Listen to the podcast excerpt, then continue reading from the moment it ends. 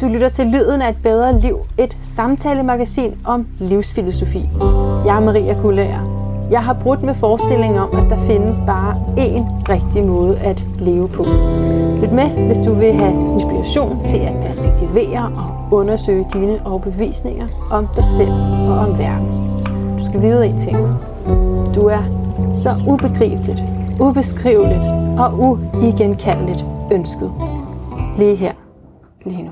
Så jeg vil lige starte med at sige til lytterne, at den her episode bliver på dansk, og næste episode bliver på engelsk. Så sidste gang handlede det om lydhealing, og øh, der spurgte gæsten en, der skulle øh, være soul healer, og det kommer altså næste gang på den engelske kanal, fordi nu er det delt op. Vi har en dansk, Lyden af bedre liv, og så har vi The Sound of Better Life, så der skal du gå ind og subscribe, hvis du vil lytte til de engelske episoder også.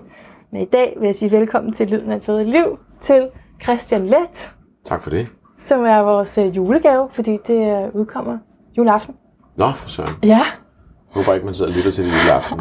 jo da. Det, altså, det kan Jo. godt være, at det er mere spændende, end hvad der ellers foregår. Det kan selvfølgelig godt være. Det kommer an på, hvordan, hvordan, hvordan, det kommer an på, hvordan man fejrer sin jul. Ja, hvordan man har det med det også. Og vi har, vi har en sød hund i baggrunden, hvis Vi man kan høre. En sød hund i baggrunden, så hvis man tænker, der er nogen, der er ved at knæve et eller andet øh, øh, ådslige stykker, så er det ham. Så er det ham. Alright. Og øh, så det var jo meningen, at vi skulle have mødtes i sommer, fordi jeg læste din bog, der udkom i Ja. maj måned. Ja, Mythos. ja. Ja. Og som jeg var helt begejstret for, det er stadigvæk. Det er en helt fantastisk bog, den skal man læse. Tak for det. det den er tyk på symboler og sådan noget, elsker jeg, når, man, når det ikke bare er historie. Det, det er mere end det. Det er jo, det er Ja. rigtig fedt. Men det nåede vi så ikke. Det er vi Og, øhm, overhovedet ikke, så det var nej. derfor, det var fantastisk at lade sig gøre her. Ja. Det, Og jeg det, bor herovre i New York. Ja. Så jeg sidder simpelthen i dit studie i Brooklyn. Yes. ret fedt. Men så øh, nu har jeg fået lov til at øh, spørge dig om alt muligt forskelligt, så er det ikke bare den bog, men sådan lidt shuffle spørgsmål. Fordi Yep. jeg har jo vildt mange spørgsmål til dig. Yep, Okay. det er super. Kunne du tænke dig, at vi lige startede med en quiz? Det, kan, det synes jeg lyder som en god idé. Nej, var det godt. Det er jeg glad for, for er forberedt i. Det er sådan, hvor du skal gætte. Altså, jeg siger citatet, og så skal du gætte, hvem der har det som sit øh, slogan. Okay. Okay? Så det første, det er Made today, gone tomorrow. Er det det er meget fedt, øh, meget Ja. fed sætning, ikke? Jo, det er, Made men det er jo sandt om det meste, tomorrow. kan man sige. Ja. Men det lyder sådan lidt miljøagtigt måske, eller genbrugsagtigt. Det ved jeg ikke. Jeg får lyst til så sige noget, et eller andet mælkeprodukt, men det er jo nok ikke, det er nok ikke rigtigt. Made today, gone tomorrow. Det er Pret a Managers suppe. Nå, der er suppe simpelthen. Ja. Så det var noget, man spiser simpelthen, Ja. fordi det er made today og gone tomorrow. Ja, jeg synes bare, det er så fint. ja helt klart. Selve udtrykket. Ja. Okay, så den næste her, den gætter du. The Professional's Sauce. Sauce eller sauce? Nej, det første, du sagde. Sauce, okay klart. Ja, kilde. ja. Det professionelles kilde. Det aner jeg heller ikke. Er det inden for lyd, eller er det en Ja. lyd, lyd? Ja, det ja, er det. Ja.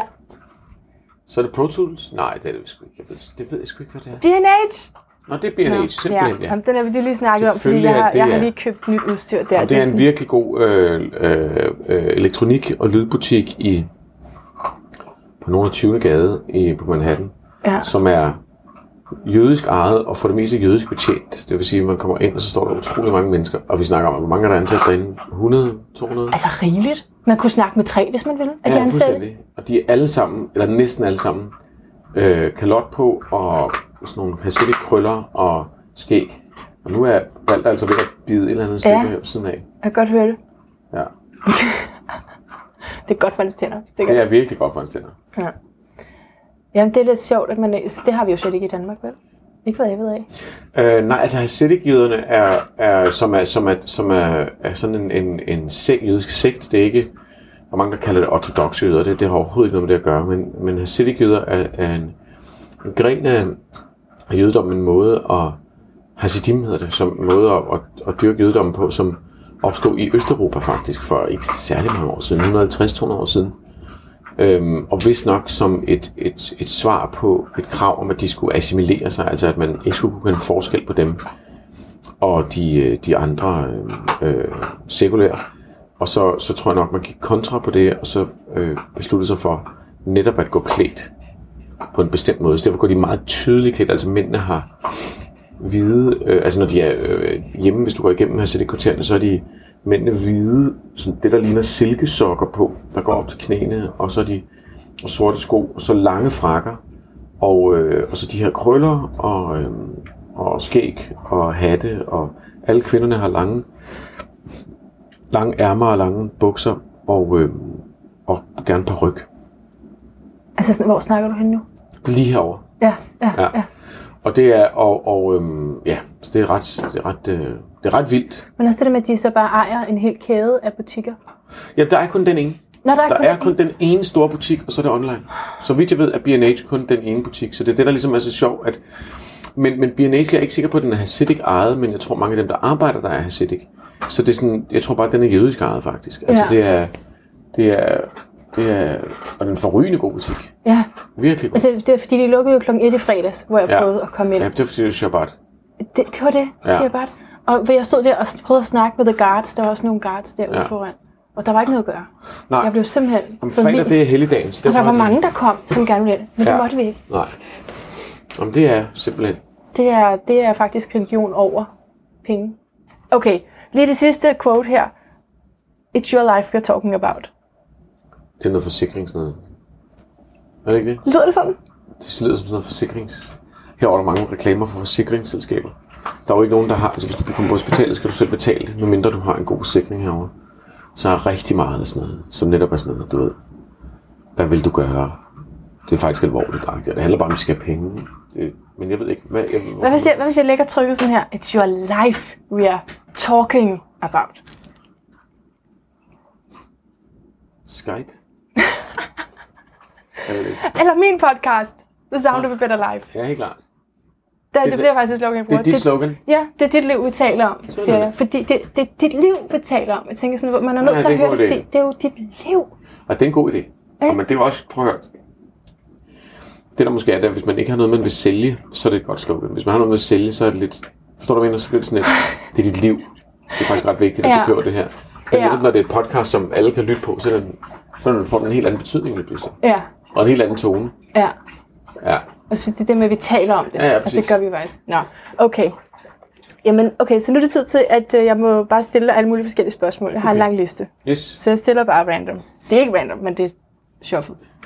Hvad betyder det at få anerkendelse for dig i din verden? Hvad betyder det for anerkendelse? Hvad for en type anerkendelse mener du? Hvad for en type kommer du til at tænke på først? Nå, men der er jo sådan arbejdsanerkendelse, ikke? Og så er der... Øh, og så kan det også være helt privat. Altså, øh, jeg kan også blive anerkendt af min kone for at være en god far. Det er vildt vigtigt, ikke? Ja. Det er vildt vigtigt at blive... At få, øh, få den form for bekræftelse. Det er vildt vigtigt at føle, at man, øh, man bliver set og hørt. Øh, og at man, når man gør en indsats, så er der nogen, der siger, at det var sgu godt gået. Spørgsmålet kommer lidt fra, at jeg læste et interview af Anne Kortsen.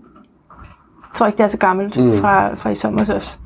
Hvor hun siger, at øh, det er som om, du, øh, du søger anerkendelse. Og så siger hun sådan, men det er ikke alle, der gør det. Og så bliver du forundret. Det er sådan, jeg husker ikke det, der står. Jamen Altså... Så, så du søger, søger anerkendelse, det er ligesom det er sådan en, en driving force i dig. Eller for dig. Jamen det ved jeg, det synes jeg egentlig ikke, det er. Øhm, Det var jo også hendes ord om Ja, det. ja, præcis, præcis. Altså for mig, der er det, der, der er, øh,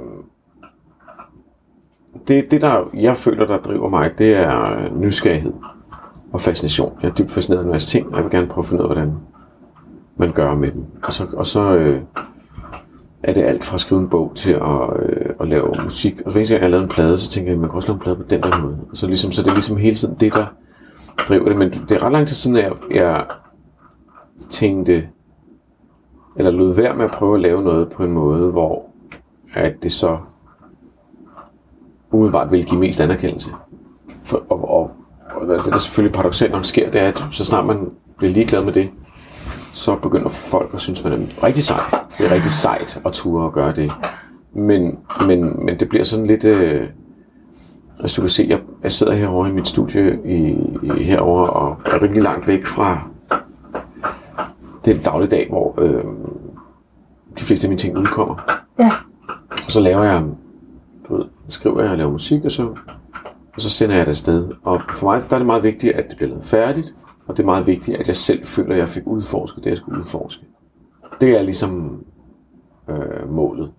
Så, så, øh, så laver jeg nogle ting, som der ikke er nogen, der hører, og så laver jeg nogle ting, som, som, som på gør, gør alt muligt. Og det, er, og det er mega fedt, når der er nogen, der synes, det man laver er fedt. Det er, og det er mega, det er virkelig øh, tilfredsstillende og alt muligt, men, men, øh, men det er, Så ordet anerkendelse sætter ikke automatisk et eller andet i gang i dig nej overhovedet ikke. Det er Det gør det slet ikke. Altså, det er, det er, nej, det, vil, altså, det betyder ikke, at det ikke betyder noget. Det vil være dumt at sige. Det vil være dumt at sige, at "Jamen, jeg er bare ligeglad. Jeg er bare mega, du ved. Nå, men jeg synes, det er virkelig forrygende oplevelse, når der er noget, jeg laver, som, som, som bliver anerkendt, men det er virkelig ikke det, der er øh, motivationen. Nej. Øhm, så jeg tror, jeg er lige så forfængelig som alle andre med, i forhold til, at jeg tager det til mig og sætter pris på det. Men hvis det var det, jeg havde lyst til at lave, så var der en masse projekter, jeg havde sagt ja til, som jeg har sagt nej til. Og der er en masse ting, som jeg... Altså, jeg er i gang med at lave en plade nu, som, som øh, slet ikke passer ind i, i den... Øh, måske... Det, det, det, tænker jeg. Det tænker jeg, hver ting, jeg laver, så tænker jeg, det passer slet ikke ind i den, den karriere, jeg ligesom har gang i. Nej, okay. Øh, og så udkommer det, og så... Men det er jo dig. Det er jo dig, så passer det vel ind. Jo, men så, og så, så, i hvert fald så sker det, så pludselig så min karriere jo blevet sådan den, hvor Ja, man gør det. ja. Så det er sådan, men, Ja. det er, men, men hvis jeg skulle stoppe og tænke, åh oh, nej, altså, og det, det får man tit lyst til, så bliver man sådan lidt troet af det og tænker, åh oh, nej, hvad nu hvis, hvor fanden gør jeg det her? Det er fuldstændig åndssvagt. Jeg skulle bare have lavet en til den der, eller jeg skulle have lavet, jeg skulle gå den her vej i stedet for. Det men det er, det er for lang tid siden øh, forsøgt at, at bevæge mig væk fra. Så, så jeg vil sige, at anerkendelse betyder helt sikkert noget, men det er ikke, når jeg får en eller anden idé og får lyst til at udføre den, så er det sgu ikke det, der driver det, fordi altså jeg laver nogle jobs, hvor jeg sidder med mig selv og skal have en meget høj disciplin og producere meget hurtigt og lære et kæmpe stykke arbejde. Og hvis det er anerkendelse, der driver det, så bliver det hårdt. Ja. Også fordi, at du får aldrig anerkendelse nok. Nej, Så det vil sige, så udkommer det, og så... den her uopfyldelige Ja, der ja, tank. fuldstændig.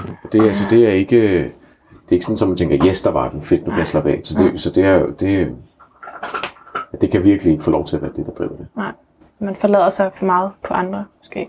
Ja, for helt, helt sikkert. Hvad eller hvem var din største inspiration til at skrive Mitos?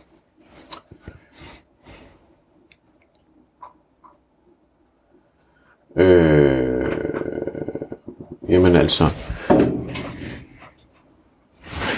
det, og det billede, der er deroppe bag min, øh, min skærm der, ja. Ursula Le Guin, hun er helt sikkert en af mine aller, aller, aller største forfattermæssige inspirationer til, til den bog. Så er det måden, den er skrevet på, eller er det indholdet, du, når du siger hende? Så, men det, jeg har slet ikke så meget kontrol over det. Nej. Det var mere sådan en åndelig inspiration. Okay. Øh, altså sådan, du ved, den måde, hun skriver bøger på, ja. den, den grad af, på den ene side mytologi, og på den anden side visdom, hun har med i det, det, det var noget, jeg forsøgte at, eller ikke, det var ikke noget, jeg, det var noget, jeg var inspireret af. Det var sådan lidt en ledestjerne, at man kunne godt tillade sig at være så dunkel, og man kunne godt tillade sig at være så um, drømmende. Og så en anden fyr, øh, han kommer ikke ind, efter jeg havde skrevet bogen igennem, og ham her, som lige her,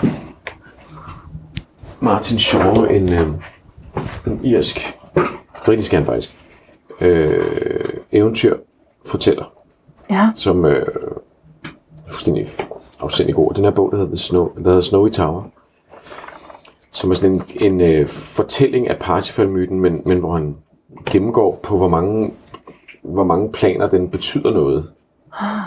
Og hvordan det betyder noget på... Altså, jamen, det, det er øh, en afsindig godt. Forklaring af myten. Ja, og så er hele hans ting, at han ikke forklarer. Så Ja. han, han, øh, han åbner den faktisk bare op. Det bliver bare vildere og vildere og vildere. Muligheder. Øh, og, og dybere og mærkeligere ved, ved, ved hans arbejde. Men han er virkelig... Så det, det var i hvert fald to store inspirationer. Øh, men jeg vil sige, der er ingen, der sådan er, hvor jeg tænker, det er, sådan, det er det, jeg skal gøre. Hele min, det, det måske inspirerede mig til, det var at ture og lade bogen være sådan, som den havde lyst til at være, uden at forsøge at rette den til. Det er en fantastisk bog. Fordi at jeg føler ikke, at man... Jeg, jeg vidste ikke, hvad der ville ske. Hvad jeg mener. Jeg vidste Ja. ikke, jeg, jeg, Nej, nej, jeg fedt. blev sagt imod. Ja. Fedt. Det irriterer det nogle gange, ikke? Jo, jo, helt At klart. folk skulle dø og sådan noget. Men, men også Ja, men man kan virkelig sige, det- æggende. Virkelig æggende. Nå, fedt. Næste spørgsmål. Ja. Okay. Hvad vil du dø for? Øh, mine børn og min familie, jeg tro. Så det var vel- velvilligt, men Hvis jeg absolut skulle. ja, ja, præcis. Hvad er forskellen på religion og spiritualitet i din optik? Nå, jamen det synes jeg i og for sig, der synes jeg bare den klassiske definition, ikke? Altså religion er en organiseret, øh, et organiseret system bygget omkring en eller anden form for åndelig essens, som man så kan diskutere. Så kan man diskutere den åndelige essens, og hvad for en historisk baggrund den har, og hvad for sociale. Men, men man kan sige, at det er så snart, der kommer et system ud af det, og det system har en social virkelighed. Ja. Så det en religion. Altså, det der med, at man har sin egen personlige religion, det har man ikke rigtigt. Det er ikke en religion. Øh, det, så har man måske en tro eller en spiritualitet. Og, øh, og omvendt øh, er det altid op til den troende i de forskellige religioner at finde en spiritualitet, hvis det er det, de vil, inden for den religion. Det er ikke noget, religion nødvendigvis selv har. Man kan tit opleve, at religionen kan mangle det, eller kan være lidt tør for det, eller kan handle om noget helt andet, eller en mulige ting. Ikke? Men, men det er, fordi det ikke er det samme. Så det er, det vil, det vil jeg helt klart mene. Er du Øh, spirituel? Ja, helt klart. Er du religiøs? Jeg, øh, det er et svært spørgsmål, fordi at jeg ikke mener, at vi måske selv er de bedste til at besvare det spørgsmål. Øhm, fordi vi er alle sammen så formet af vores kultur, og vores kultur er så helt utroligt gennemformet af vores religion. At jeg tror, det er svært for nogen af os at undsige os i og for sig at være religiøse. Øh, 100%. Men, øh, men det er netop den der opstilling, det er så, det går, at man slet ikke føler sig særlig spirituel. Men hele vores øh, måde at tænke på er, er formet ikke af kirken, men af vores kultur, som blandt andet er formet af kirken. Ja. Så derfor er det sådan... Øh, men men, men jeg, jeg, jeg, har, jeg har det rigtig svært med de etablerede religioner. Øh, Jeg er også dybt fascineret af dem. Der står en for Maria bag dig, der står en Buddha herovre. Stå, ej, hun er lige bag mig. Ja, lige præcis. Så, øh, Som der også hedder hænger et Maria. voodoo- voodoo-billede der på væggen fra Haiti. Så du ved, så det er sådan, det er, Det er et voodoo-billede. ja, Okay. det er Danbala, som er øh, slangegud, skabegud, der skabte verden. Men øhm, der kravler op af et kors, sjovt nok, ikke? Sådan det. Men, men øhm, Så hvor er du? Altså virker det, hvis man tror på det? hvad? Anything, altså. Nej, ikke anything. Man kan jo ikke bare beslutte sig for et eller andet. Altså, man kan jo lave... Nå, for eksempel voodoo. Om, hvad voodoo virker, det, det har Hvis været masser af voodoo-ceremonier. Nå, men det, det, det, det, det, synes jeg er sådan lidt, øh, det er måske en forenkling. Ja. Jeg har været til masser- af voodoo-ceremonier og set masser af mennesker blive besat af ånden. Det, der, det, det kan jeg, og det kan jeg jo ikke så sige, jamen det er ikke rigtigt, eller det er, det, sådan er det bare. Jeg kan nok ikke blive besat af en ånd, Hvorfor kan du ikke det? fordi jeg ikke er vokset op i voodoo, så jeg kender ikke voodoo. Og, og, og, øh, og øh, altså religion, eller hvad kan man sige, åndelighed er lokalt forankret, og det er det, man lidt undervurderer i dag. Vi tror, at det er sådan et system. Øh, Op i hovedet, og du tænker, det er mere altså, geografisk? Altså, ja, i høj grad geografisk. altså, altså Helt klart. alt efter hvilket sted man er på jorden, der er nogle bestemte energier der. Er det sådan, du det, tænker? det er en måde at sige det på. Ja. Det, altså, det eneste, vi har, det er jo et sprog, og sproget er begrænset. Ja, ja, ja. Så, men en måde at sige det på er, at der hver sted, du er, der er en lokal. Der er du kan, altså, jeg var i junglen ude i Papua Ny Guinea, hvor, hvor de sagde det meget enkelt, at jeg var med, med til et- en voodoo-ceremoni, nej, ikke en voodoo-ceremoni, undskyld, en, en overgangs, et overgangsritual i, ude i junglen, hvor en masse børn, øh, unge drenge, skulle, øh, skulle gennem sådan en rimelig hæftig ritual, de skulle skæres, øh, for at den krokodilleånd, som, som den her stamme øh, troede på, skulle ligesom, øh, altså markere dem faktisk, ikke? De der sår, de får. En dem- krokodilleånd skulle Ja, det, markere det, det, dem. det, er sådan en lokal, Ja, ja. øh, deres lokale. Hvad- lavede du der? Jamen, jeg var inde for at lave en, øh, for at være med til det, simpelthen. Og så for at lade jeg optog jeg det på, på en lille optager, og har Ja. lavet en, en radiodokumentar om det, som ligger, tror jeg, på iTunes, som okay. hedder En anden verden. Og der var en meget, jeg havde, der var en meget sjov scene, eller en meget mm, sådan en sjov oplevelse, hvor at, at det, der sker, det er, at de, de, øhm, de skærer alle de her drenge øh, med sådan noget flere hundrede små snit øh, på ryggen, sådan nogle mønstre, og så holder man sårene åbne øh, over nogle uger, hvor man pensler dem og sådan nogle ting, øh, sådan så de ender med at bule op. Og det vil sige, at alle de voksne mænd har, har, har, har sådan nogle mønstre på ryggen, der ligner krokodillens skæld simpelthen. Det ser meget vildt ud. Og så, øh, så stod vi der og var med til det der, og så, øh, øh, og så på et tidspunkt var en af vores, vores guides øh, hjælpere, han tog t-shirten af, og det var sådan en andægtig stemning. Det er sådan meget, faktisk ret, øh, nogle mær- måder mærkeligt nok smuk øh, øh, ceremoni, og så, øh, Så tager han øh, t-shirten af og går rundt og visker. Og så ser jeg, at han også har mønstre, tænker jeg. Så jeg siger til ham, Nå, du er også krokodillemand. Ja. Og så siger han, nej, nej, nej, nej. Jeg er slangemand. Det var et helt andet mønster, han Og havde. det var et andet, det var et andet mønster, og det var fra et andet sted. Hans stamme ligger, lå længere nede i Sibikfloden.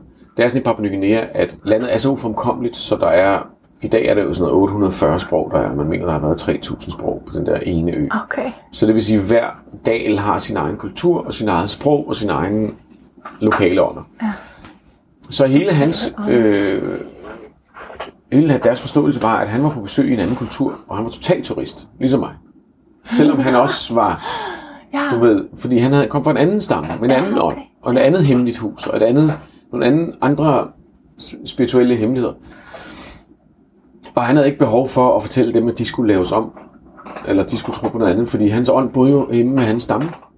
Og det er, Det er jo virkelig interessant. ja, men det, og det er klassisk animisme, og det man skal huske, det er, at det er det, vi mennesker har været i 99,9 procent af vores øh, historie på jorden. Altså, vi har været animister. Mennesket, nu mener man, før var det 200.000, men nu mener man, vi har været her i omkring 300.000 år, ikke? altså moderne mennesker som os. Øhm, og øh, i højst sandsynligt alt den tid indtil for 3.000 år siden har vi været animister. Så, og vi var stadig videre, selvom, selvom monotismen opstod i Mellemøsten på et tidspunkt, tror vi, så, øhm, så er der stadig animister i verden i dag. Så det vil sige, det det, der er vores default øh, position, det er en oplevelse af åndelighed, som er lokalt forankret, som er en sten, eller et træ, eller et sted, som har nogle ånder. Og det tror jeg i og for sig er en meget mere brugbar måde at forstå verden på. Og det er en meget mere brugbar måde at forstå øh, åndelighed på. Så, så, øh, så ja, så, så, så apropos voodoo-tingen.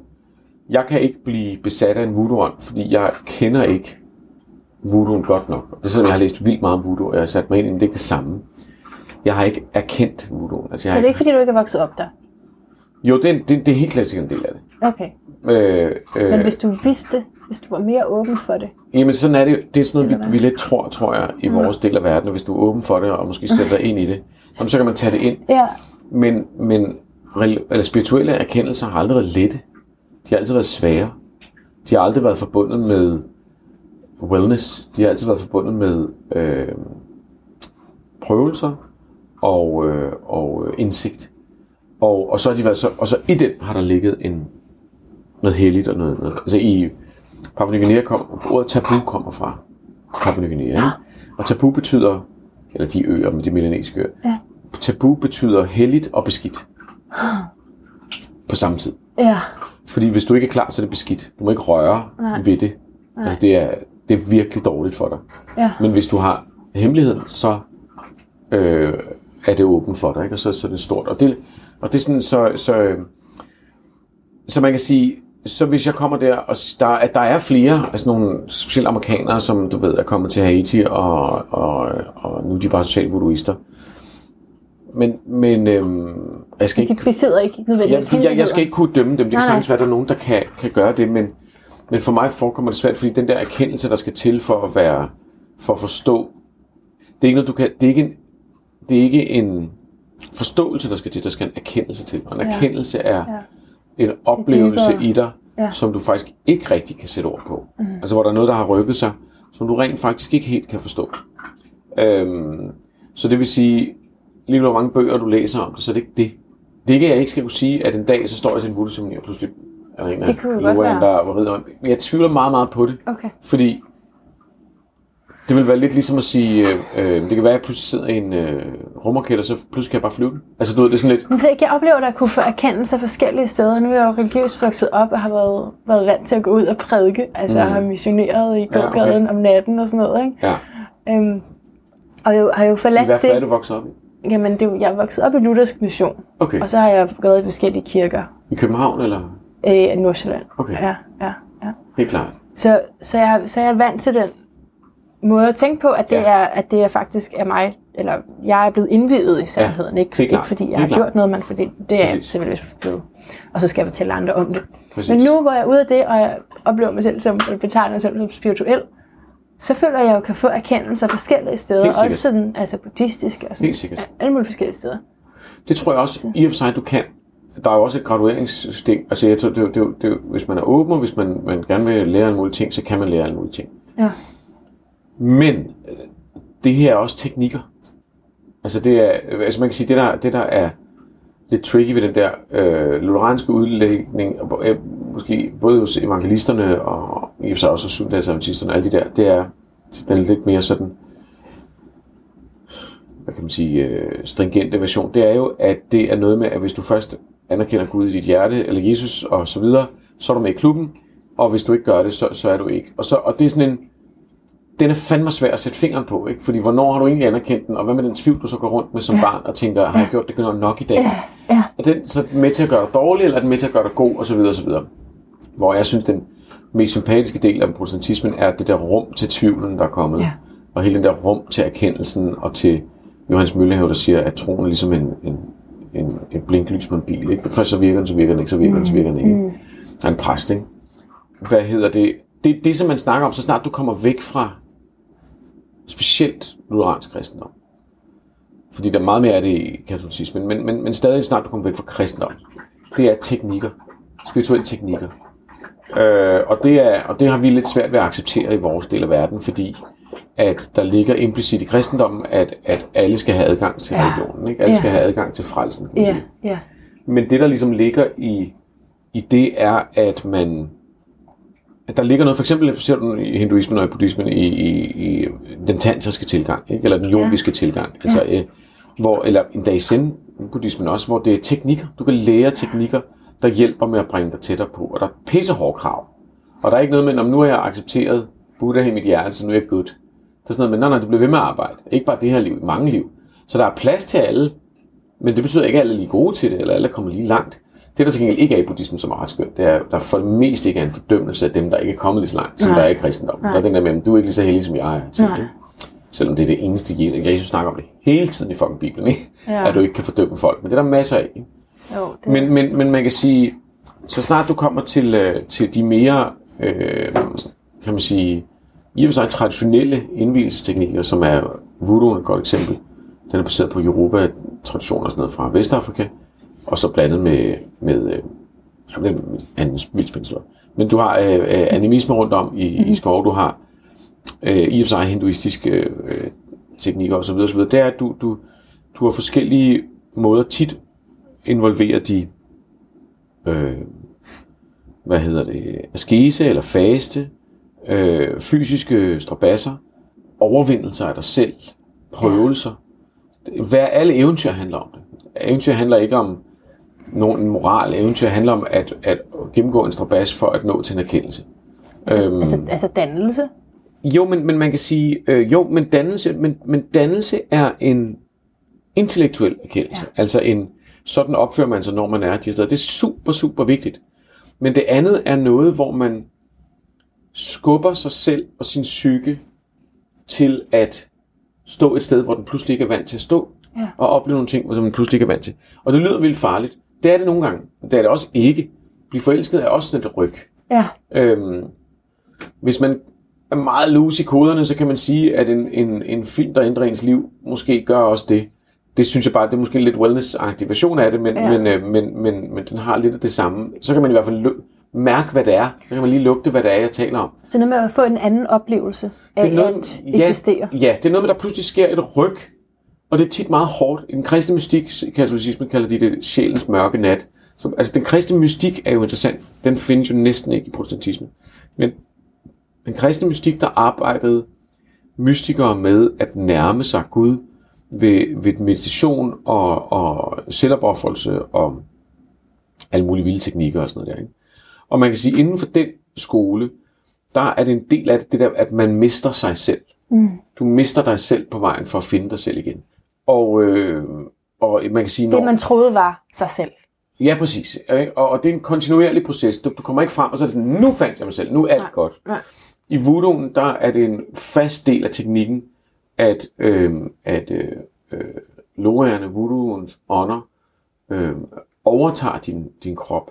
Så, og, og, og når folk har været besat af ånder, så når du de kommer tilbage, så kan de ikke huske, hvad der er sket. De ved ikke, hvad de har oplevet. De har gjort vilde ting. Tit kan de fortælle folk, hvordan deres slægtninge i udlandet har det, eller de kan stikke nåle gennem kinderne, eller tage glødende kul i munden, eller du ved. Men, men det er for sig Mens ikke de så meget besatte. Det, mens de er besatte. Men det er Ja. ikke så meget det, det handler om. Det handler mest om, at det, det er ånderne, der kommer og er til stede og taler, men det er bare for at sige, at dem, der oplever det, for det er det, vi tit tænker i vores del, hvad er det, de opnår så? De opnår faktisk ikke noget. De er, når, når, ånden, når ånden har forladt dem igen, så er de sig selv igen. Så de er lige så Det, lidt det er værd. formålsløst. Øh, nej, det, nej, det er netop, det er, det form, nej, det er ikke formålsløst, fordi at selve det, at ånderne kommer jo, er en glæde. Men det er ikke fordi, at den, der oplever det sådan, pludselig er bedre, eller Nej. har fået, de, det er ikke dem, der har fået indsigt. Altså, det, ved, når ånden har været der, så er de ikke blevet, du ved, sådan mere sendagtige. Eller Skal noget de lære helst. andre noget så? Det er det, de skal. Okay. Det er lige præcis det. Så ånderne lærer andre noget. Ånderne er der for de andres skyld. Men igen, der er- ligger igen den der, det, kan sige, det er en helt konkret version af at miste sig selv. Ja. Øh, At blive overtaget. Fuldstændig blive overtaget. Ikke? Ja. Hvilket jeg tror, om ikke andet, kan være en rigtig, rigtig sund ting. Øhm,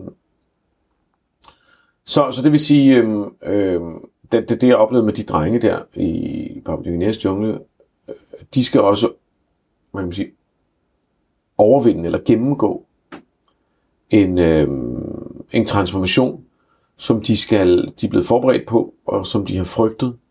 Og, det, og når, de, når de kommer ud på den anden side, samtidig med, at de er i gang med den her transformation, hvis hele projektet tager omkring 2-3 måneder, hvor de ikke ser deres familie. Eller de ser det ikke, øh, deres mødre og deres søske, Men der lærer de om, hvordan man er mand, og de lærer, hvordan man jager, og de lærer, hvordan man dyrker marken, og de lærer, hvordan man skal behandle kvinden, og de lærer, hvordan man de lærer om deres stammens magi og stammens historie og deres forfædre osv. Så når de er færdige med det, så er de blevet mænd. Øhm, og, og så bliver de respekteret som mænd. Øhm, så du ved, det er sådan... Ja, og og der- det, det tror jeg lidt af... Altså, så kunne jeg også gennemgå det ritual, men det vil nok ikke bidrage særlig meget, fordi hele mit, hele mit væsen er formet af protestantismen, fordi jeg er dansk. Og vil din omverden nødvendigvis have, at du skulle være mand på den måde? Jamen, det er den, men jeg vil slet ikke kunne blive det, tror jeg, fordi... Nej.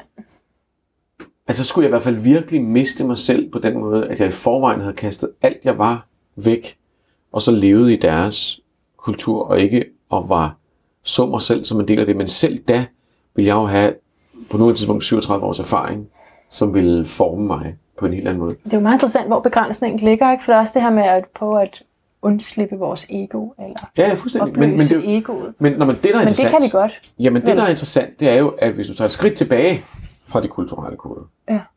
så kan du se, at det er de samme teknikker, der går igen. Ja. Så pointen er ikke, Ah, at ja. pointen er ikke, at, at, at der er, at mennesker er så forskellige. Pointen er, at det her steds ånd opfører sig på den her måde. Det her steds ånd opfører sig på den her måde. Så er jeg ligeglad med, om vi skal diskutere, om det er klimaet, eller kulturen, eller historien, eller hvad fanden det er. Det er den bedste måde at tale om det på. Det er at sige, ånden, krokodilleånden, det er det, han vil have. Ånden er Haiti, de vil have noget andet. Ja. I Danmark ved jeg ikke rigtig, hvad ånden vil have, fordi det vil, Hvad vil, de, hvad vil det have? Jamen, der, det, det, altså, jeg, jeg, vil, jeg, jeg tror, folk skulle begynde at tale mere med deres nisser, og de skulle tale lidt mere med deres træer, og de skulle tale lidt mere med deres med jorden omkring dem. Det tror jeg i og for sig, at de vil få rigtig, rigtig meget ud af, fordi der er ikke så meget ånd tilbage i rigtig store dele af kristendom, for eksempel. Okay. Så øhm, Hvis, hvis jeg må, linke det her til, nu er det jo meningen, at jeg bare skal stille spørgsmål. Ja, Bare lige for at linke det her til, til det andet spørgsmål, det første omkring anerkendelse. Altså er det mere, er det mere sådan en, en spiritual quest, du er på, hvis, hvis du er på nogle quest? Altså, men altså, hvis man kunne sige, at du, du søger noget, altså, hvis altså, snart vi ikke søger noget, så er vi jo færdige her i livet, tænker jeg. Jamen, Altså, vi det. søger vel et eller andet. Så er det mere sådan noget, der øh, får, får dig til at gå steder hen? Altså, det er også en del af det. fordi du Altså vil, man kan sige, for mig der hænger det meget sammen. Jeg prøver lidt at leve et liv, hvor det hænger sammen. Så det vil sige, at, at det jeg øh, intellektuelt synes er spændende, det skulle meget gerne hænge sammen med det, jeg spirituelt set synes er spændende. Som vigtigst af alt skal hænge sammen med, hvad jeg rent sådan sjæleligt, altså i mit liv, mine børn og min kone synes er spændende. Og det er ikke altid, det hænger sammen, men, men, men så det er sådan... Det, du altså, vil gerne have, at det hele skal hænge sammen. Ja, det, det tror jeg, der er noget af det vigtigste overhovedet, ja. det er, at, at jeg, jeg er den samme person. Selvom jeg står på en scene og spiller en koncert, så skal jeg tage på en speciel side af mig selv. Og på en, Ja, altså, ved, sådan men jeg er den Ja. samme person. Ja. Det er, det er, det er altså, fuldstændig essentielt. Ja. Øh, Og drevet af nogle af de samme kræfter. ja, fuldstændig. Altså, det, det, det, er- det er meget vigtigt for mig at kunne tage det med alle steder hen. Så når jeg skriver digte, så kommer de her ting til at falde ind i digtene, Klart. om jeg ved det eller ej. Og når jeg, øh, når jeg, øh, når jeg skriver om, om spiritualitet, så forsøger jeg at gøre det, så det er stadig god litteratur. Så forsøger jeg stadig at gøre det, så, så jeg ikke jeg tager ikke en maske på, og så er den ene, og så er den anden. Og det er også derfor, den roman, du har læst, ja. den, den, der er nok mange, der kunne læse den som ren fantasy, og måske mange, der kunne læse den som en åndelig bog. Jeg har ikke, jeg har forsøgt at lade være med at tage den forskel. Nogle gange tænker jeg, shit man, skal den virkelig være så tung på det åndelige, men det var det, den havde lyst til at være. Det var historien, der havde lyst til at være det. Det var ikke, fordi jeg tænkte, nu skal jeg fortælle folk noget, som er dybt. Nej. Så det er sådan lidt øhm, en del af det. Men så står der her på min liste også spørgsmål, som hænger lidt sammen med, med det med mitos, ikke? Hvordan ser mørket ud? Og så har jeg skrevet, "Hva- og hvad spiser du ned i det? Hvordan ser mørket ud? Det er jo... Mørke er vel mørkt. Ja. Det er vel derfor, det hedder mørke, tænker jeg. Hvad spiser du så ned i det? Men det, det, den forstår jeg ikke. Hvordan, hvordan mener du det? Men det er fordi, hvis jeg har det mørkt, så er der noget bestemt, jeg har lyst til at spise. Nå, på den måde.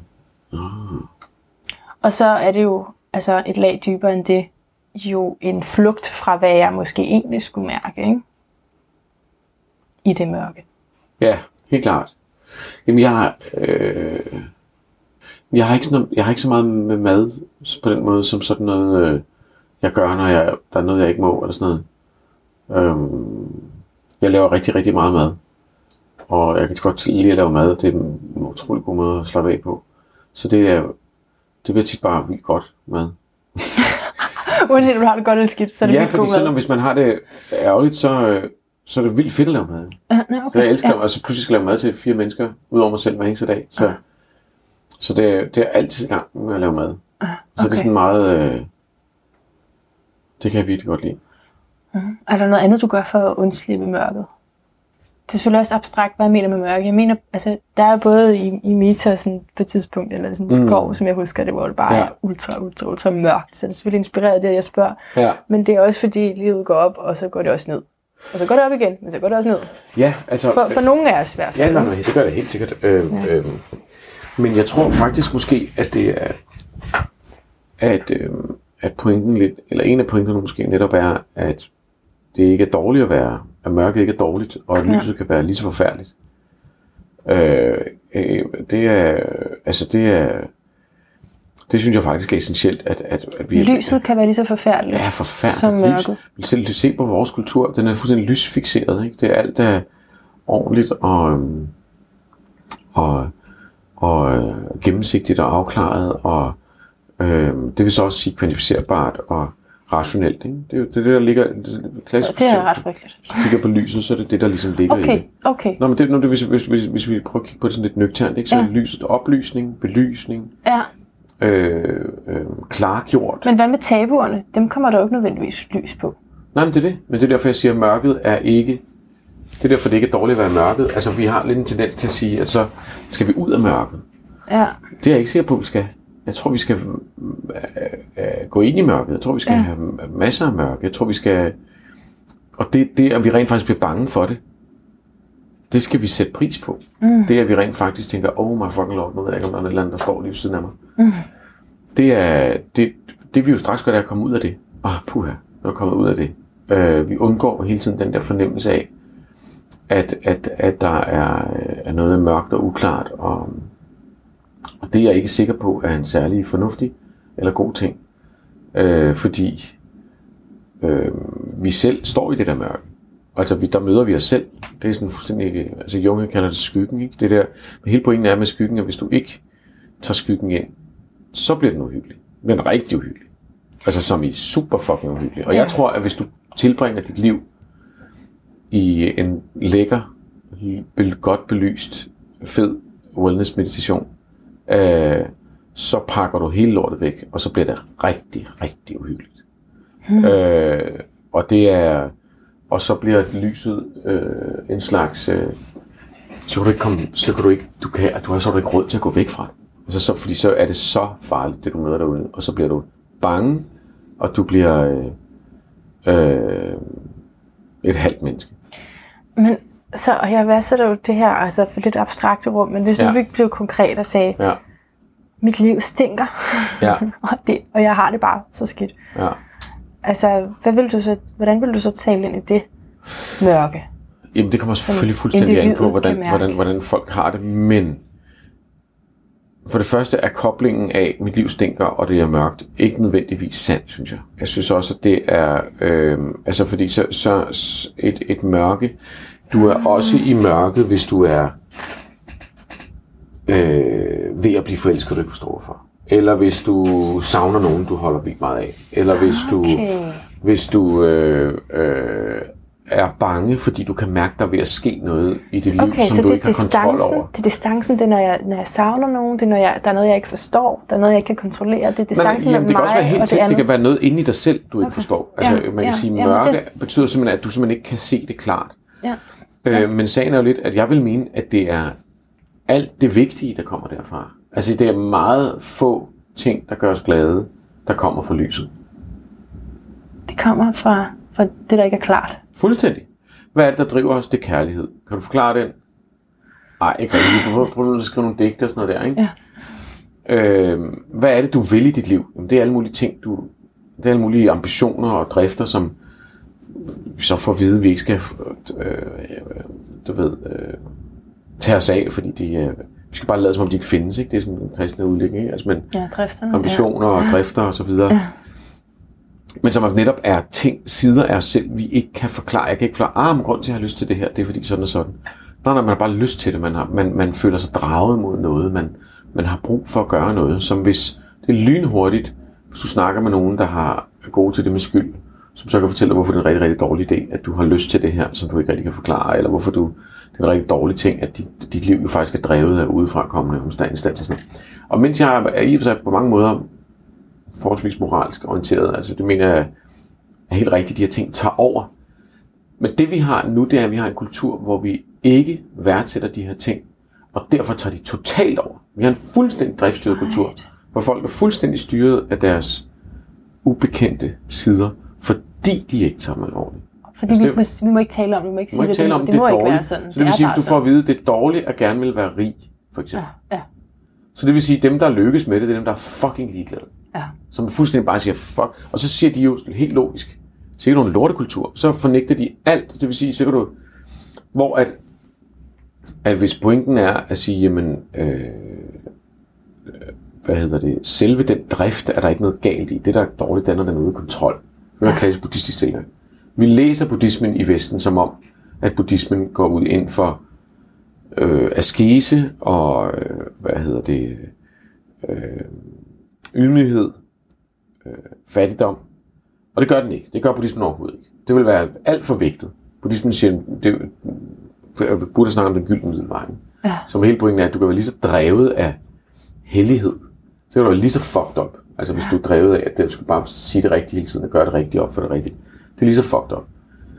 Hele der, den buddhistiske tilgang er netop, at, at for, du er faktisk nødt til at anerkende sider af dig selv, før du får kontrol over dem. Men vi hopper det der anerkendelsespunkt over, fordi det, og det er altså bare kristendom. Vi tror bare, vi er buddhister. Så vi siger, Nå, men det, det er bare det. Så vi, Ja, vi ja, læser ja. buddhisterne, og så tænker vi, Ja, Nå ja, så har vi et buddhisterne- filter på det. Fuldstændig. Ja, Ja, siger, buddhisterne siger også, at man ikke skal være grådig. Så, nej, det gør de egentlig ikke. Buddhisterne siger, at hvis dine materielle ønsker styrer din dagligdag, og du ikke kan kontrollere det, så er det super, super, super dårligt. Det er det styrer dig, dit Men, ego styrer men du er lige så egostyret, hvis du overhovedet ikke vil have noget som helst i dit liv, og du bare er så heldig, at du bare... Altså, det er lige så egostyret.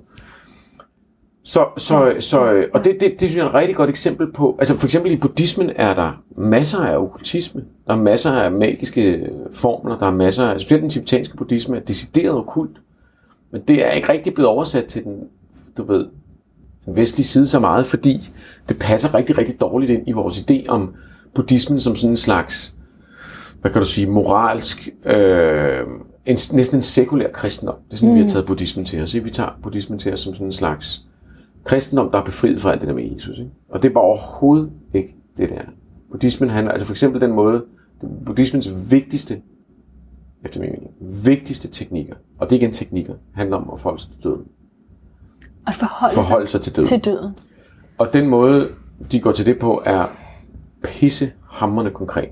Det er sådan noget med, først, men, du dør, det, det er sådan fire forskellige stadier. Så gennemgår de, hvordan, at når du, den første, jeg kan ikke huske, hvordan det er, men den første er dine sanser, tror jeg, der forsvinder. Du kan pludselig ikke lugte noget, du kan ikke smage noget. Øh, så begynder det at forsvinde din mobilitet. Så forsvinder din... Du ved, og så gennemgår de, hvordan det føles, at verden er ved at forsvinde. Altså fuldstændig konkret. Det er fuldstændig... Der er ikke noget med, men det er bare smukt i virkeligheden. Overhovedet ikke. Pisse ubehageligt. Det er totalt konkret, ikke? Prøv det, så du ikke er bange for det. Simpelthen. Hele pointen er, forhold dig til det her. Og, og, og, og, og når man først står lige for det, så tænker man, shit, det lyder fandme for vildt, mand. Det tør Men så har du, har du prøvet det her? Ja, ja, helt sikkert. Helt sikkert. Det er noget, jeg arbejder med. Hele tiden. Okay. Fordi det, man finder ud af, det er, når man så har stået så tæt på den der frygt, og man ikke har løst den, og det ikke er blevet til, ah, i virkeligheden kom enten Jesus og frelste mig, eller i virkeligheden var det bare noget, jeg skulle lære af mig selv. Eller et eller andet sådan fin Nej, lille moral. den vi var har der. lyst til. Du den døde. var der bare. Ja, præcis. Jeg står for her, holder mig til det. Der er ikke noget svar. Der er en, en, en model, som de, hvor de selv er sådan lidt, jeg regner med, at det sker der bagefter, men det er vi ikke helt sikre på. Ikke? og det kan være pissehårdt, og vi håber virkelig, at du ikke dør øh, på en traumatisk måde, fordi så kan ryge alt den her teknologi ud af vinduet, fordi, altså det er jo fuldstændig konkret i buddhismen, at hvis du dør, mens du er frustreret, så har du meget svært ved at bibevare din intellektuelle tilgang til det, som er den, du skal bruge. De, de, de, du ved, der er også, de har sådan nogle ret fantastiske regler omkring døden, som er det eneste, at du kan, første, du kan ikke undgå det. Det andet er, at det kan ske når som helst. Og det tredje er, intet af det, du har, kan hjælpe dig. Og det er sådan, du ved, klok. Intet det, du har, kan hjælpe. Så, og så starter vi der. Mm. og så, øhm, nå, men i hvert fald, så, så, så, så, når du så har stået så tæt på den ild, den der mørke ild, for det er fandme mørkt. Det er mørkt. Ja. Der kan vi snakke om, det bliver helt reelt mørkt. Ja. De snakker om, at det så bliver hvidt bagefter, men altså, det bliver sådan gråhvidt og mælkehvidt. Der er sådan forskellige stadier, men i hvert fald, Mørke. den, det mørke, når du så stod så tæt på det, og så kigger op på livet, Ja. så er vores kristne forventning er lidt, at så er vi blevet helt deprimeret.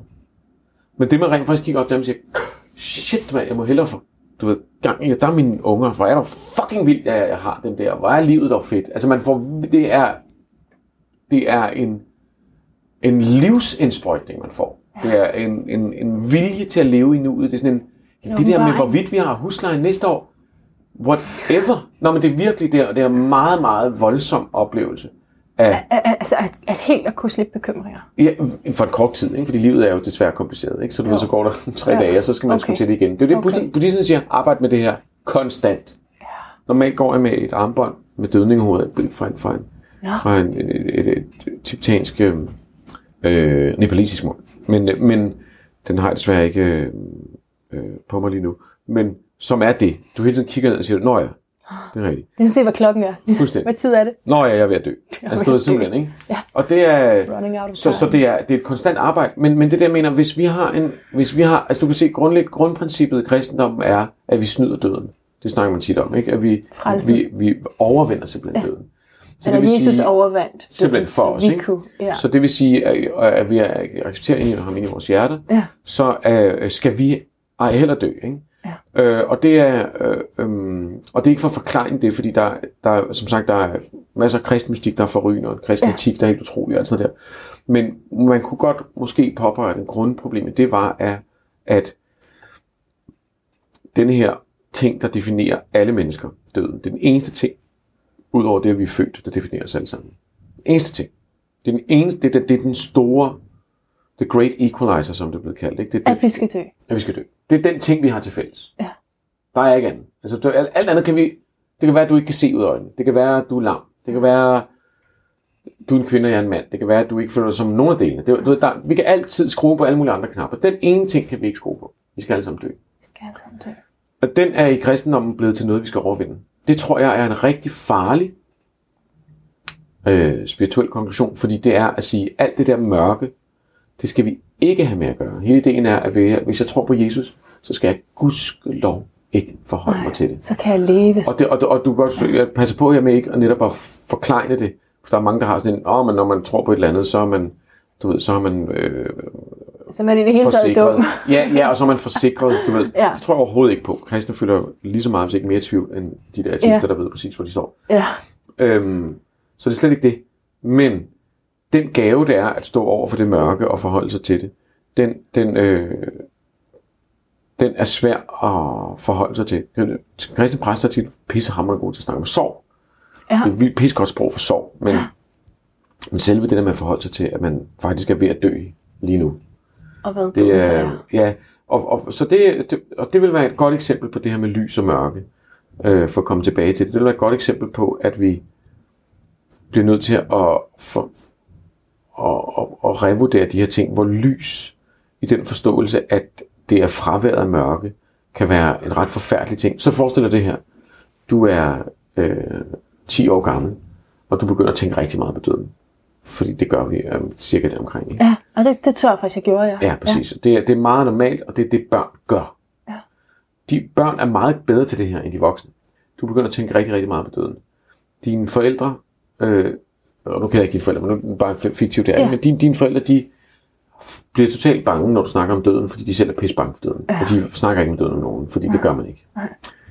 Øh, så de har en af to muligheder. Enten har de en mulighed, hvor de siger, men bare rolig, øh, når du dør, så går det helt godt. Eller den anden, den er, bare rolig, vi dør ikke. Eller vi dør først om lang, lang tid. Eller Ja. sådan, du ved, bare rolig skal vi slet ikke snakke om. Det, man fortæller barnet er, den følelse, som du allerede føler nu, som du er fuldstændig klar over, den vil jeg ikke snakke om. Mm. Det er det, du fortæller barnet egentlig. Det kan godt være, du tror, du fortæller barnet alt muligt andet, men det, du egentlig fortæller barnet er, jeg vil ikke tale om det her, fordi det er for hårdt. Og det, du faktisk fortæller barnet der, det er, du skal bare være rigtig bange. Det, det er faktisk lige præcis det, du siger. Du siger, det er en rigtig god. Der er, du er selv, du, du, det her skal du være så bange for, at jeg ikke engang tør nævne det for dig. Forstår du, mener? Jeg forstår, hvad du mener. Så, så hva- hvor at, at hvis, man, hvis man tør det, og det er pissehårdt, jeg har tre unger, hvis man tør at sige, ja, det skal. Det er rigtigt. Ja, fordi jeg, sådan, jeg tænker både, ja, okay, mine forældre, de valgte nummer et, men så, åh, hvad gør jeg selv med mine børn? Mm. Jeg, jeg, jo- jeg er simpelthen jeg er sådan en, der er så bange for at give mine børn traumer, eller Det det. altså, parentes flere traumer, ikke? Så, så jeg skulle nødig få sagt et eller andet. Det er det. Og det er lige præcis Så det, der er, det. er, er, er... Pointen er, mørket er en del af vores liv. Ja. Og det er en del af børns liv. Børn er pisse klar over de der ting. Ja. Og hvis vi så ikke vil anerkende det, og ikke tør stå tæt på det, og ikke vil, og har en kultur, hvor vi siger, jamen det skal væk, det der mørke. Det skal væk. Gå til den her meditation, så du kan komme af med mørket. Gå, tag de her piller, så du kan komme ud af mørket. Gør de her ting, så du kan komme væk fra mørket. Så er det det samme som at sige, alt det der, det er en dårlig side af dig selv, og det tror jeg ikke på. Jeg tror på, det er der, hvor vi, fa- jeg tror, det er der, vi tager vores styrke fra. Jeg tror, det er der, vi finder vores inspiration. Jeg tror, det er der, vi øh, bliver til dem, vi er. Det er der, vi finder lærer selv at kende. Det er der, vi finder vores... Kærligheden har rod der.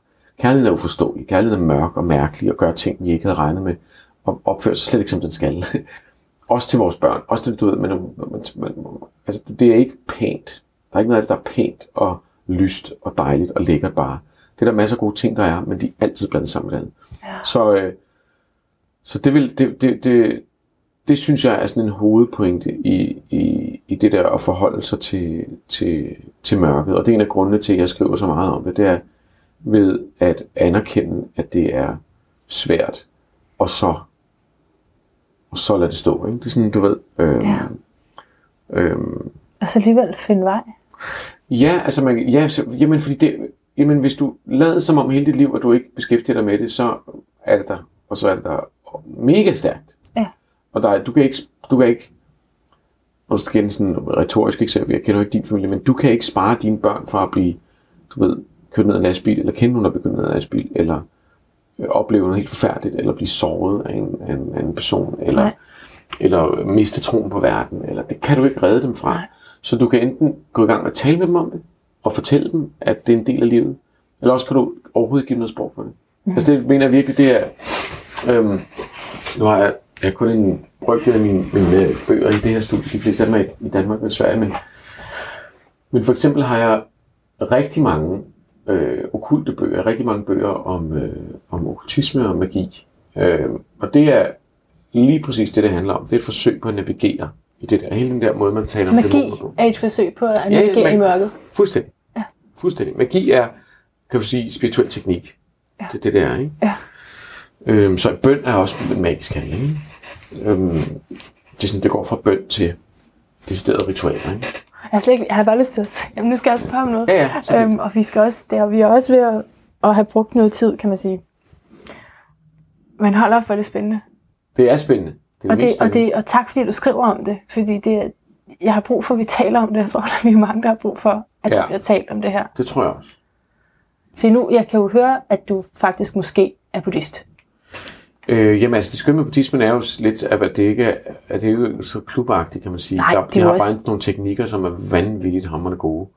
Øhm, Det lyder som om, du men, men jeg vil sige, noget buddhistisk. buddhist, ja, buddhisterne er i hvert fald nogle af dem, som har øh, kan man sige, udarbejdet de bedste teknikker, det vil jeg sige, og som er sådan utrolig svært at skyde igennem, fordi det er bare sådan, nå, okay, det virker bare. Altså, der er en til en. Altså, du ved, jeg har snakket med en shaman på et tidspunkt, som, til, det, til et interview, som sagde, "Jamen, jeg spurgte, hvad hun troede på, så jeg tror ikke på noget, jeg snakker kun om det, jeg har oplevet. Og det er sådan meget... øh, Det var ved, en shaman, der sagde det. Ja, Ja. hvor hele pointen er det der, men det handler ikke om tro, det handler om erfaring. Ikke? Jo, Og der vil du sige, der er buddhismen meget sådan, det, der er ikke så meget i buddhismen, der hedder, gør det her hver dag, så går det helt godt, eller et eller andet. Det er mere sådan en slags, når du har det der problem, så gør sådan her. Du ved, ikke? Altså det er sådan en meget konkret ting. den er deskriptiv på den måde. Ja, øh, og det tror jeg, at høj grad spiritualitet er. Det er igen noget, som vi mener ikke er lige så fint i, øh, i den kristne tradition. Ikke? Øh, der er sådan, du ved, det bliver kaldt folketro, ikke? Altså hele det der med, så hænger man et eller andet op over døren, for man Ja. væk, eller sådan noget, hvor, hvor hele den idé om, så snart vi skal gøre noget, Det er jo der handler- overtro, ikke? Så siger vi, det er overtro. Ja, snart vi gør, skal gøre en handling, som handler i verden, så er det overtro. Ja. Hvor vores tro, den skal få vi aldrig svar på. Det er siger Luther, ikke? Du ved, det, du ved, der er ikke noget, der er ikke nogen, der giver noget svar. Nej. Bang, værsgo. Nå, men, men øh, så, øhm, så ja, jeg er i hvert fald stor tilhænger af mange af de buddhistiske teknikker. Øhm, Og, og hvad så med, med karma? Er det noget, du tænker over Ja, i dit karma, liv? Jeg har jo lavet ja, nogle episoder her om det, og det har jo, altså, det er jo gået lige ind i mig, for jeg synes, det er så, det er så spændende og en sjov måde at tænke på. Altså, Ja. En god måde at tænke på. Men øh, man kan også blive drevet en lille smule til vanvid, ikke? Jo.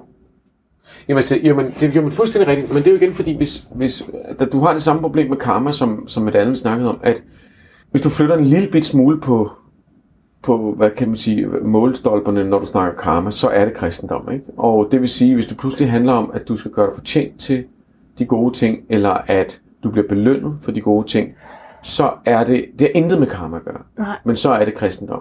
Øh, Hvis du pludselig snakker om, at dem, der har det dårligt, de bliver det er fordi, de bliver straffet, så er du i og for sig i gang med sådan noget evangelistisk, øh, moderne øh, øh, kristendom. Det er sådan noget, der vokser. Den hurtigst voksende form for kristendom nu, det er sådan meget øh, øh, en til en. Øh, hvad er det nu? Jeg kan ikke huske, hvad den hedder, den gren. Men, øh, men Hvor, hvor de tænker, at man selv er ude om det. ja, præcis. Ikke? Det er ja. sådan, du ved, altså præsten skal gerne være rig, og hvis der kommer 40.000 i kirken, Er det sådan noget Så er det- herlighedsteologi? ja, ja lige præcis, så er det, så det bevis på, at han er jo en virkelig god kristen. Ikke?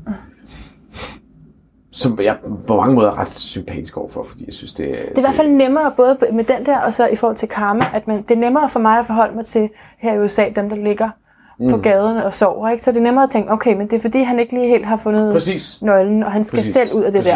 der. Det er det, så nemmere for mig at gå forbi. Nå, men det er det. det er, så det vil sige, øh, øh, og, og, og der er mange smukke ting. Altså det, det, er jo, det kan være meget, meget grimt netop at have sådan, fordi man faktisk får skubbet alle, der har det dårligt væk. Ikke? Så, det er, jo- så derfor, det er derfor, det, ja, det er det der er problemet igen. Hvis vi nu kigger på det her, som, igen, som jeg var tilbage til før, lokale teknikker, der kan noget, så kan der være rigtig mange gode ting at hente i det. Hvis vi skal se det som en universel teknik, der, er- eller en universel tese, der altid har ret, så synes jeg, det er en forfærdelig tanke. Så er det fascistoid. Så er det alle, der har det dårligt, har fortjent det. Alle, der har det godt, har fortjent det. Slut. Det er en super dårlig lorteholdning til verden. Ikke? Men hvis man kigger på, at man i sit eget liv går er ved at gennemgå noget lort, fordi man har en, noget, man skal lære, så giver det pissegod mening, og så er det vanvittigt konstruktivt og hjælp til alt muligt. Ja. Og jeg tror meget på, jeg tror ikke så meget på universelle sandheder. Det er, det er lidt det, jeg har, det er derfor, jeg har det svært med de etablerede religioner, fordi Ja. jeg, har, jeg tror mere og mere på, at det, der er 100% sandt for mig, ikke behøver at være det for dig.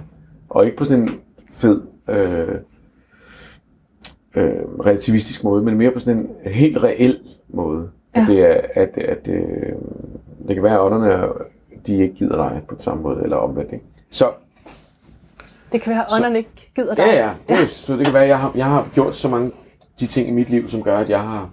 De, jamen simpelthen, jeg tror, det er en meget bedre måde at se det på. Fordi vi vil gerne have en tendens til at se det som universelle sandheder. Betyder det så, at det er sådan? Karma, for at komme tilbage til det. Mm. Karma er en beskrivelse af et regnestykke. Det- Den er fuldstændig kold. Karma er en fuldstændig kold regel. Karma har intet at gøre med, at du opfører dig ordentligt. Karma handler om, at der er negative og positive energier. Ikke? Og det vil sige, at at du ved, det er sådan et fuldstændig køligt regnskab. Det du sender ud, får du tilbage. Ja, Men det betyder også, at du er kommet til at lave dårlig karma, ja. uden at vide det. Ja. Eller du er kommet til at, du ved, øh, fuck op eller et eller andet. Og det handler ikke så meget om, at så hvis du... Altså det, det er fuldstændig ligegyldigt, for eksempel, hvis du så angrer, eller beder en bøn, og sådan noget. Forstår du, mere? Det er sådan, hvor karma er meget mere sådan, du ved, det er i og for sig, jeg tror, det er den bedste måde at få det til at fungere på, medmindre man er buddhistisk munk, hvor du simpelthen laver regnstykker, eller hvad man træder på en regneår og sådan noget der. Så det er at prøve at se en sammenhæng mellem det, man sender ud og det, der kommer ind. Ja. Det, og det, det er slet ikke ren buddhistisk karma. Ren buddhistisk karma er meget mere stringent. Men jeg, jeg, jeg, jeg bruger meget, jeg tror meget på, at tingene hænger sammen. Jeg tror meget på, at det, jeg får ind i mit liv, det er der en grund til at få ind, og det hænger sammen med det, jeg har sendt ud før. Det tror jeg 100% på. Ja.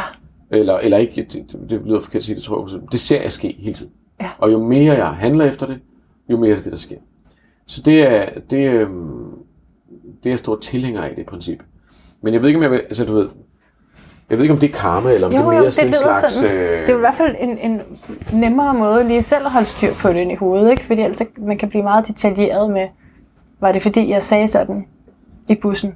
Jo, men Altså, karma som sådan er umuligt at holde styr på. det Det er er så måske det, der er pointen, det er, at det er, det er ikke... Altså, for, når det er derfor, folk bliver munke.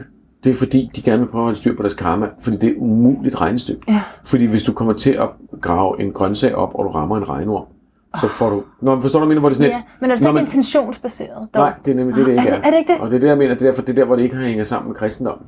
Så du ved, så det er sådan... Det er, hvor i kristendommen, der handler det hele om, jamen altså, var det en god handling? Og det handler ikke om god og dårlig. Det er jo det handler om god og dårlig som, som positiv og negativ. Altså det vil sige som et regnestykke. Objektivt set. Fuldstændig objektivt set. Så det vil sige, det er også derfor, jeg har det sådan lidt, men jeg tror, jeg tror, jeg, jeg tror og for, men det trosbegreb, jeg tror i og for sig, at karma-begrebet er ret rigtigt. Men jeg kan ikke rigtig leve efter det. Nej, nej. Det er umuligt. Jeg må ja. forsøge grundlæggende at leve så godt, som jeg overhovedet kan. Ja. På sådan et andet plan. Men jeg kan ikke... Jeg kan, jeg kan ikke være munk i mit liv. Jeg har tre unger, så det er jo sådan lidt... Nå, Ja. Så er det lukket der. Ja. Okay, jeg skal bare lige have et sidste spørgsmål. ja, ja, så fint. Nå, men så kunne jeg godt tænke mig, at hvis du forestiller dig, at du har skrevet en sang, hvor der indgår ordene All I really need is... Hvad kommer der så? Derefter. All I really need. Det kommer jo an på, hvem der skriver, synger sangen. Hvis, nå, men det er dig. Jo, men det- det er med på, men når jeg synger en sang, så er det jo ikke mig. Så er det jo den, der synger sangen, der synger den på en måde. Så det er altid sådan en... Åh, oh, det er tricky. Jamen, det er altid sådan en... Det er så nogle gange synger jeg... Øh, øh, Men vi snakkede lige om, at du var dig selv hele tiden, ikke? Fuldstændig. Jamen, jeg, jeg har mig selv med hele vejen igennem, Ja. ja. men, men når jeg synger i William Blakes, så handler teksterne om åndelighed og politik for det meste. Og, øh, og undertrykkelse og religion og sådan noget. Når jeg synger min, øh, i min, min solo, to soloplader, så er det sådan nogle lidt poetiske bud på at forsøge at... Ja, på den første plade var det at beskrive min barndom. Den anden plade var det at forsøge at ramme en eller anden form for beskrivelse af at være til i dag. Nu er jeg i gang med at lave en plade nu, som er, som er et helt andet projekt. Som, så det kommer, det kommer meget an på. Altså det er ikke sådan, at man sidder ned, og så kommer hjertet ud på, på papiret. Det er lidt Nå. en kliché. Okay. Eller hvis hjertet kommer ud, så er det lidt fordi, man, man kom til at se den anden vej, og så pludselig så var det med, og så var man sådan, yes, fedt. Okay. Det er tit sådan, det sker. By accident. Ja, simpelthen ved, at man var i gang med noget Sådan. andet, og så, øh, og så øh, pludselig har man skrevet en god tekst. Så øh, Nå, men hvad hvis du så bare skal slutte sætningen? ja, ja, helt klart. Øhm, Det er godt svar, det er godt at vide, det vidste jeg ikke. nej, men det, det, det, det, er- sådan er det meget for mig i hvert fald. Ja. Øh, All I really want, var det det? Ja, that all I really need. All I really need. Yes. yes. Så hvad er det, jeg be- egentlig bare behøver? Så jeg ikke, hvad i ro. Det kunne sgu være meget godt. Det tror jeg, det er ro. Jeg faktisk godt tænke mig at spørge dig om det her. Ja. Hvad sker der, hvis man giver dig en pause for spørgsmål? Hvad vil du så sige, uden at blive, he- uden at blive opfordret til at sige noget særligt? Det kommer meget an på, hvem jeg taler med, men altså... Øhm, lige for tiden vil jeg gerne sige, at, at vi...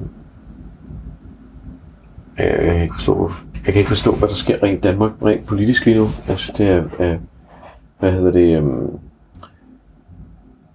rimelig forstemmende og rimelig chokerende af ting, som jeg, da jeg voksede op, at man, vi lærte om, hvordan folk har opført sig under en verdenskrig og sådan noget der. Sådan nogle ting, som man, aldrig, som man vidste aldrig ville ske igen.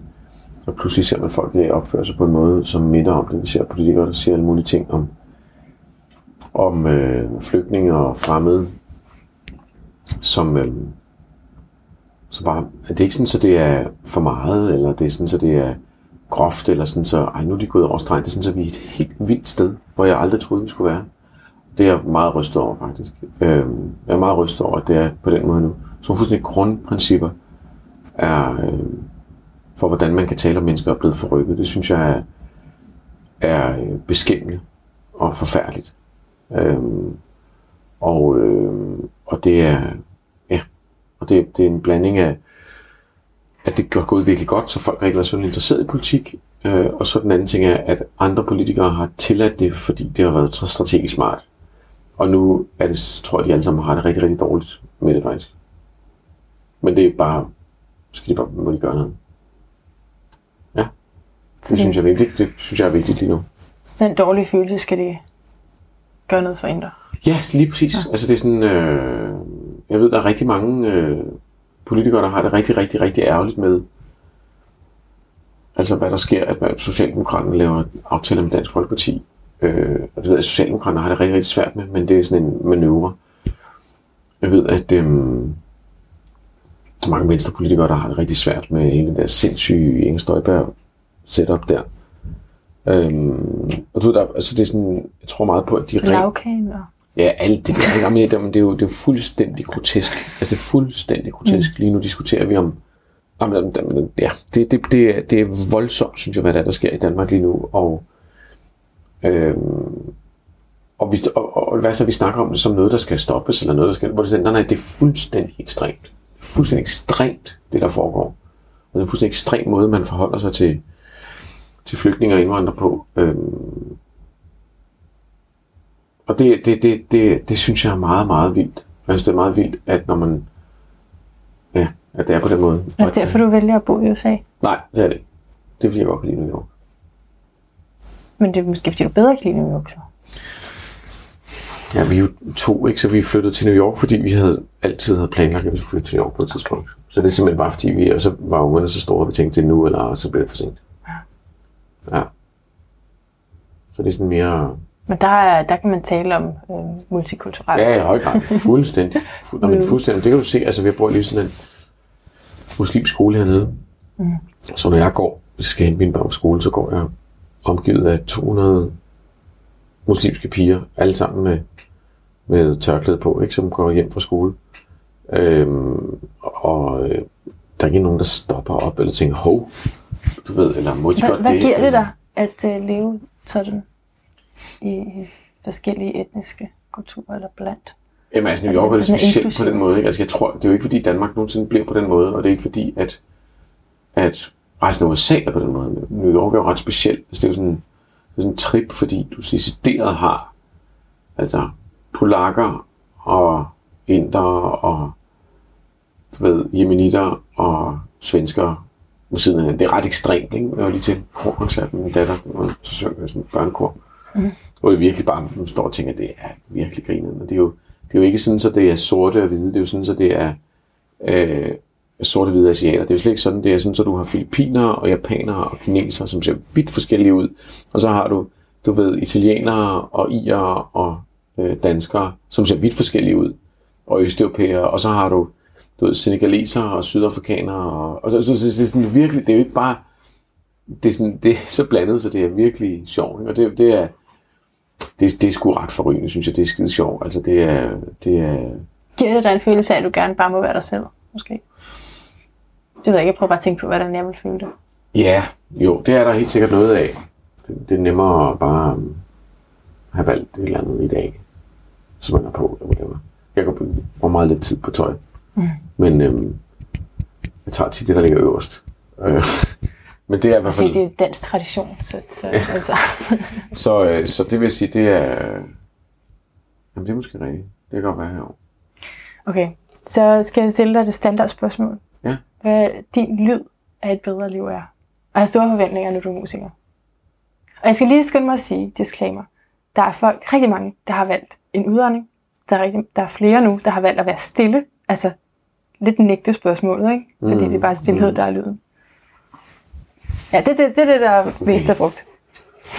Min lyd af et bedre liv, det må være øh, en børn, der leger. Dine børn, der leger. Ja. Så det er ikke en lyd, du kan lave for mig. Nej, det kan jeg desværre ikke. Det kan jeg desværre ikke. Dine børn, der leger med hinanden. Ja. Det vil jeg mene. Det er en fantastisk Det er, så, så bliver man helt glad. Ja. Det er jo også en lyd af fokus. Ja. Ja. Det er virkelig dejligt. Så bliver man helt sådan, oh, okay, nu er jeg fundet helt op. Præcis. De kan stadig lege. Ja, præcis. Alright. Tusind tak for den her julegave. Det har været at snakke med dig. Tak fordi jeg måtte være med.